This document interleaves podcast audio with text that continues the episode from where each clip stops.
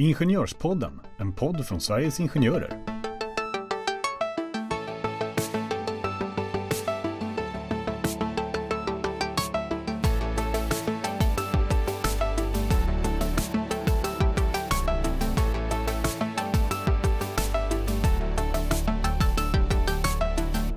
Olika fackförbund, är det olika löneavtal då? Måste arbetsgivaren förhandla budget? Är det till och med en viktigare förändring? Och ska man ha lönesamtal varje år? Vem är det egentligen som förhandlar din lön? Ja, idag ska vi prata om lön som vi har pratat om förut och säkert kommer återkomma till. Just dagens avsnitt kommer handla om löneprocessen och eh, jag heter Jenny Rosenbaum och med mig har jag Rickard Levin. och ni är varmt välkomna till Ingenjörspodden.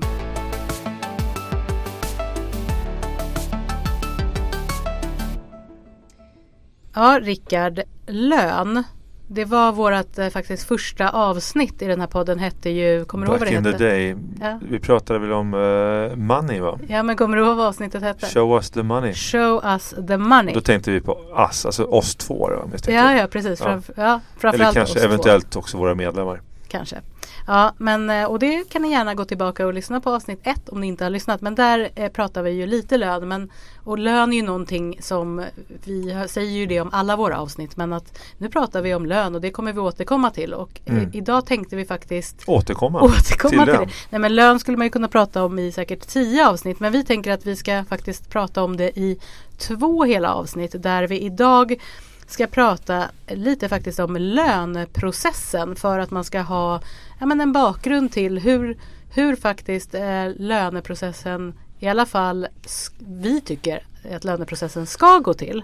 Vi från Saco-förbundet, precis. Precis. Eh, och sen så i avsnitt två som kommer då efter det här avsnittet eh, så eh, tänker vi faktiskt bjuda in en statistiker för att prata lite om vårat redskap eh, sak och lönesök och Mm. eh, hur lönestatistiken går till och hur man kan använda den och så vidare. För att leda in på eh, det viktigaste samtalet av dem alla under året, nämligen Lönesamtalet. Ja, och redan eh, nu efter att ni har lyssnat klart på det här så får ni väldigt gärna springa till datorn om ni inte har den framför er och mejla in frågor inför då nästkommande avsnitt om ni nu har några frågor och då är eh, mejladressen Sveriges Ingenjörer höll jag på att säga. Ja, det, det är en del av mejladressen.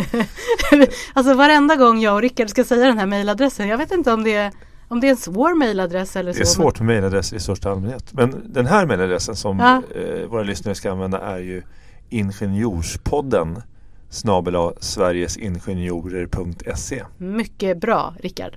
Ja, men du, eh, då kör vi igång lite smått. Löneavtal Mm. eh, finns det ju massa olika löneavtal. Men eh, löneavtalet det är väl där, för det, nu tänker jag så här, akademikerföreningar kan det ju finnas. Mm. Och, Olika eh, typer av föreningar beroende på om det är just det, privat olika, eller precis, sektor. olika typer av Ja. föreningar. Eller de har olika namn i alla fall. Mm. Och eh, där i en sån här förening kan det ju sitta massor av olika förbund. Just det. Och eh, man pratar om samma villkor i eh, det kollektivavtal som är tillämpligt på arbetsplatsen. Men Mm. när det kommer till just lön och löneavtalet, där skiljer det sig.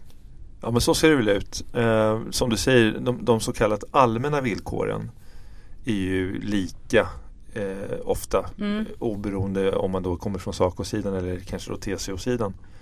Eh, i, I stort i alla fall, det kan finnas små undantag. Men vi har olika löneavtal. Eh, och det gör att man kan liksom inte samverka kring dem riktigt på samma sätt utan det, det är olika principer och processer som, som gäller i de här avtalen. Och vad är, ba- alltså, vad är bakgrunden? i? Varför ser löneavtalen olika ut? Alltså, dels så har det ju olika principiella bakgrunder, lite hur man ser på, på alltså löneprinciper, eh, hur, hur lön ska sättas, vad som ska premieras. Men om vi tar vårt lönesamtal, vårt lönesamtal. Ja, jag säger också så här man, ibland. Man säger fel, felsägning, ja. precis. Ditt och mitt lönesamtal som vi har nu. Nej men Ja. ehm, eh, vårt löneavtal, alltså Sveriges Ingenjörers eh, löneavtal på till exempel, eh, vad ska vi ta?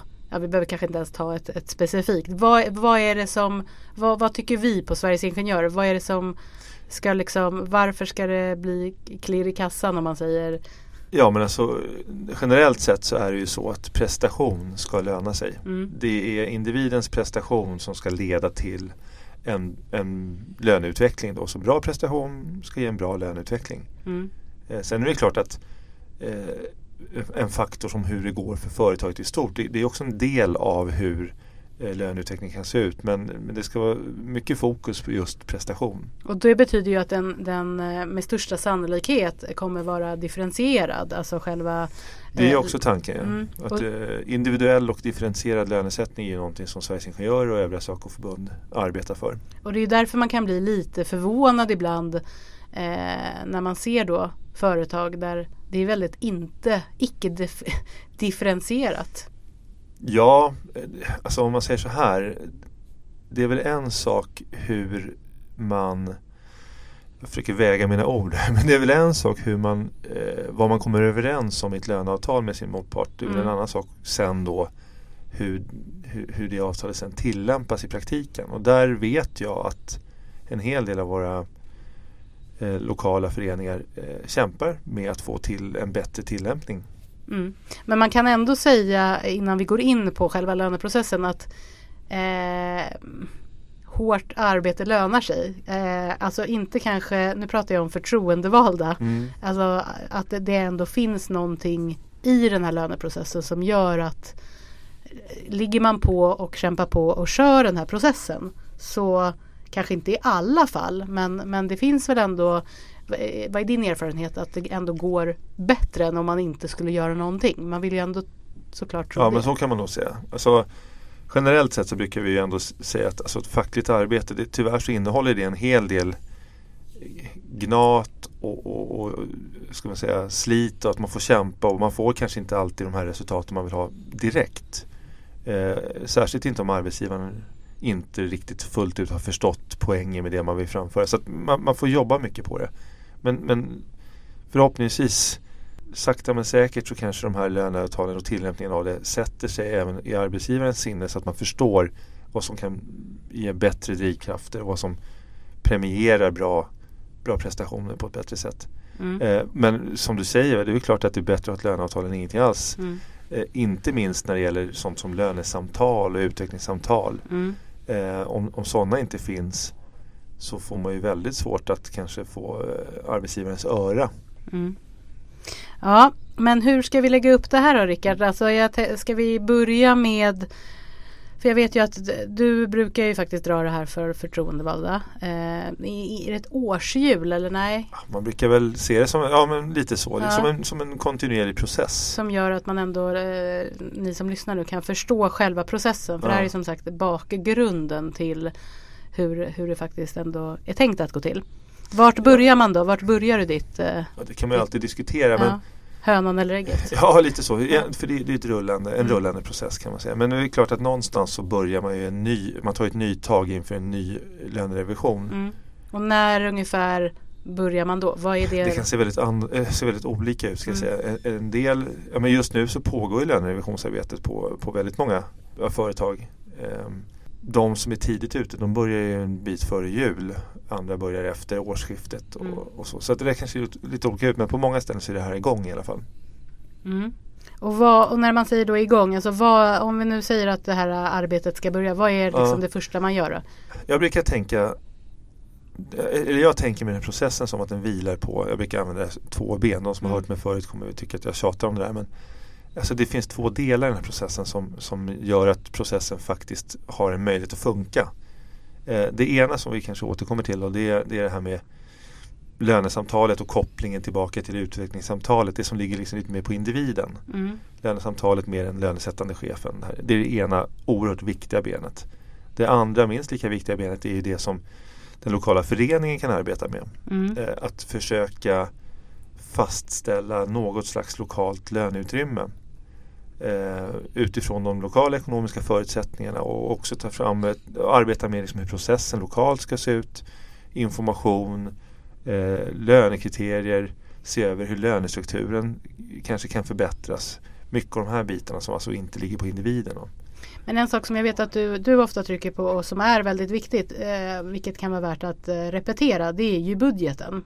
Ja, Budgeten nämns väl kanske på sin höjd i, i en del löneavtal men Mm. det är ingenting som liksom ligger inne i själva processen. Men precis som du säger, Det var roligt att se hur du hoppade till det jag sa budgeten och Ja. blev så jättepeppad på att nu Ja. säga det du ska säga. Ja, förlåt. Jo men Go budgeten, och det säger ju kanske sig självt att budgeten styr ju väldigt mycket av det utrymme Mm. som sen finns eh, tillgängligt för löneprocessen.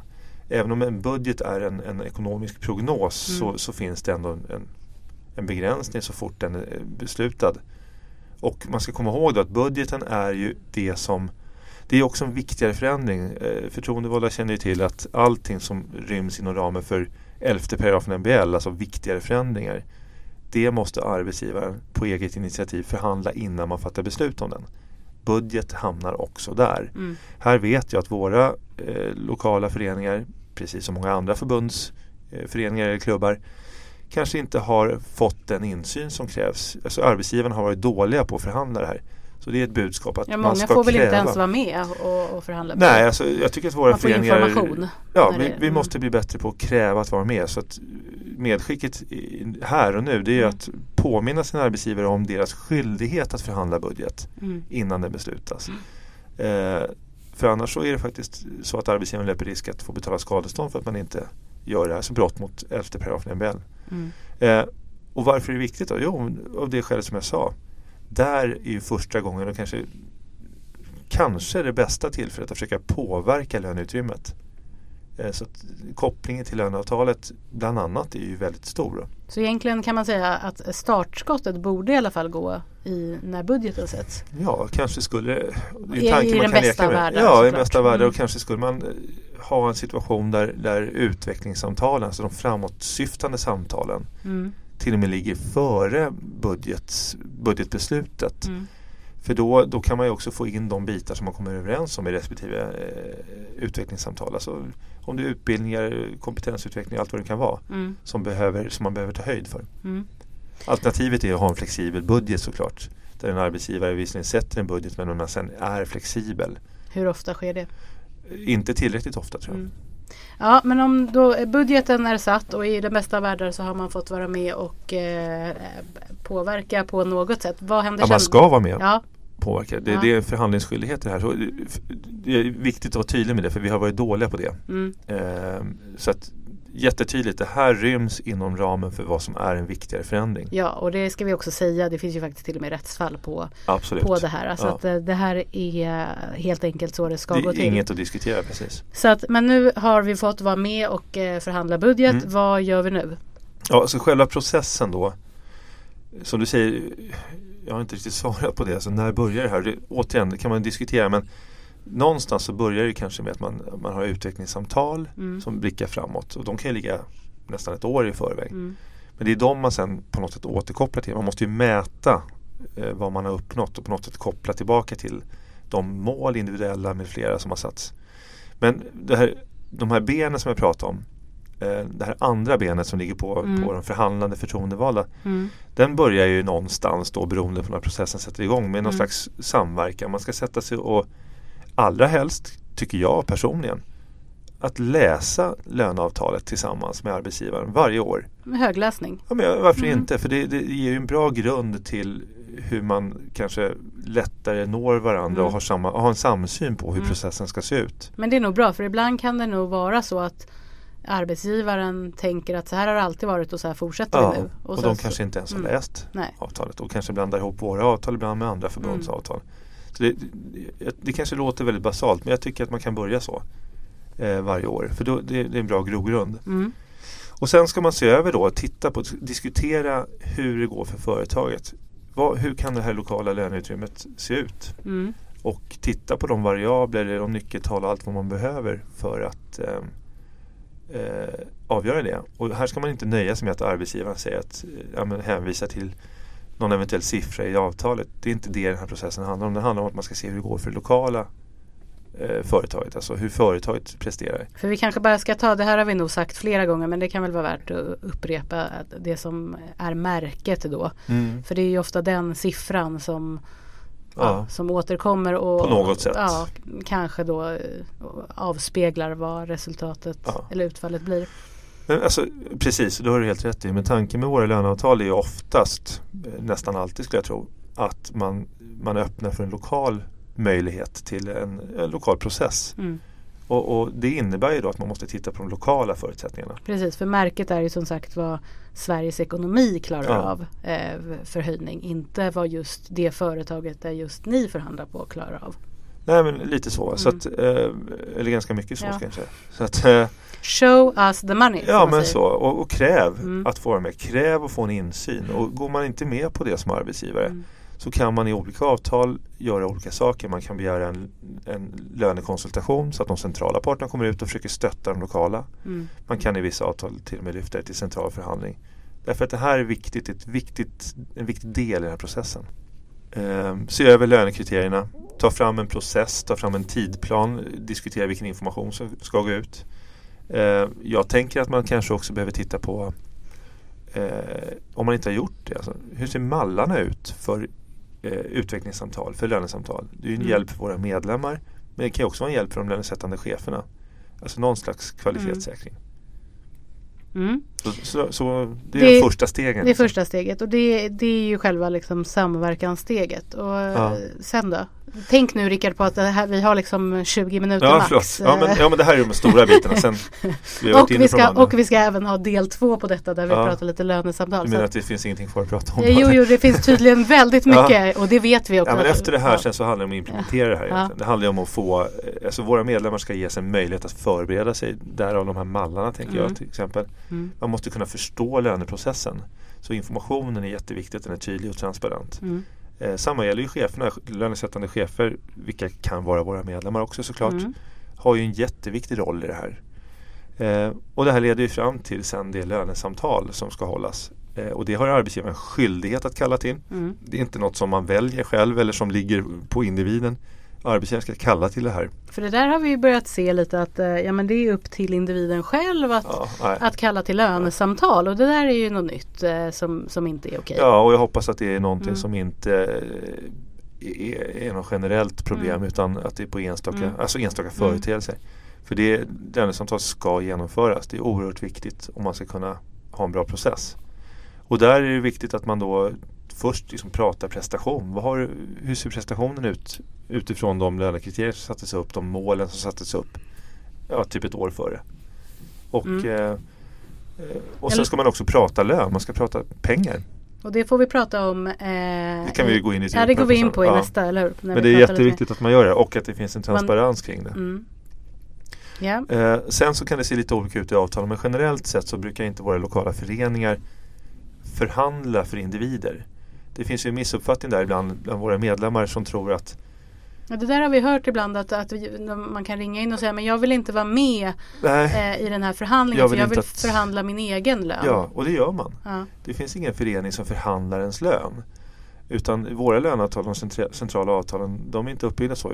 Men kan det vara så att arbetsgivaren i så fall, för så har jag haft någon Mm. fråga där det var eh, Arbetsgivaren säger då att nej för att eh, föreningen har förhandlat fram så här mycket. Så jag har inte mera att ge eh, Ja. till just dig. Nu är det ju inte föreningen som Nej. beslutar då om hur stort Mm. löneutrymmet ska vara. Då hade det, löneutrymmet sett väldigt annorlunda ut tror jag lokalt. Mm. Utan det är ju alltid arbetsgivaren som beslutar. Och, och arbetsgivaren kan ju alltid ge mera. Alltid ge mer. Kollektivavtalet sätter ingen begränsning Nej. uppåt. Mm.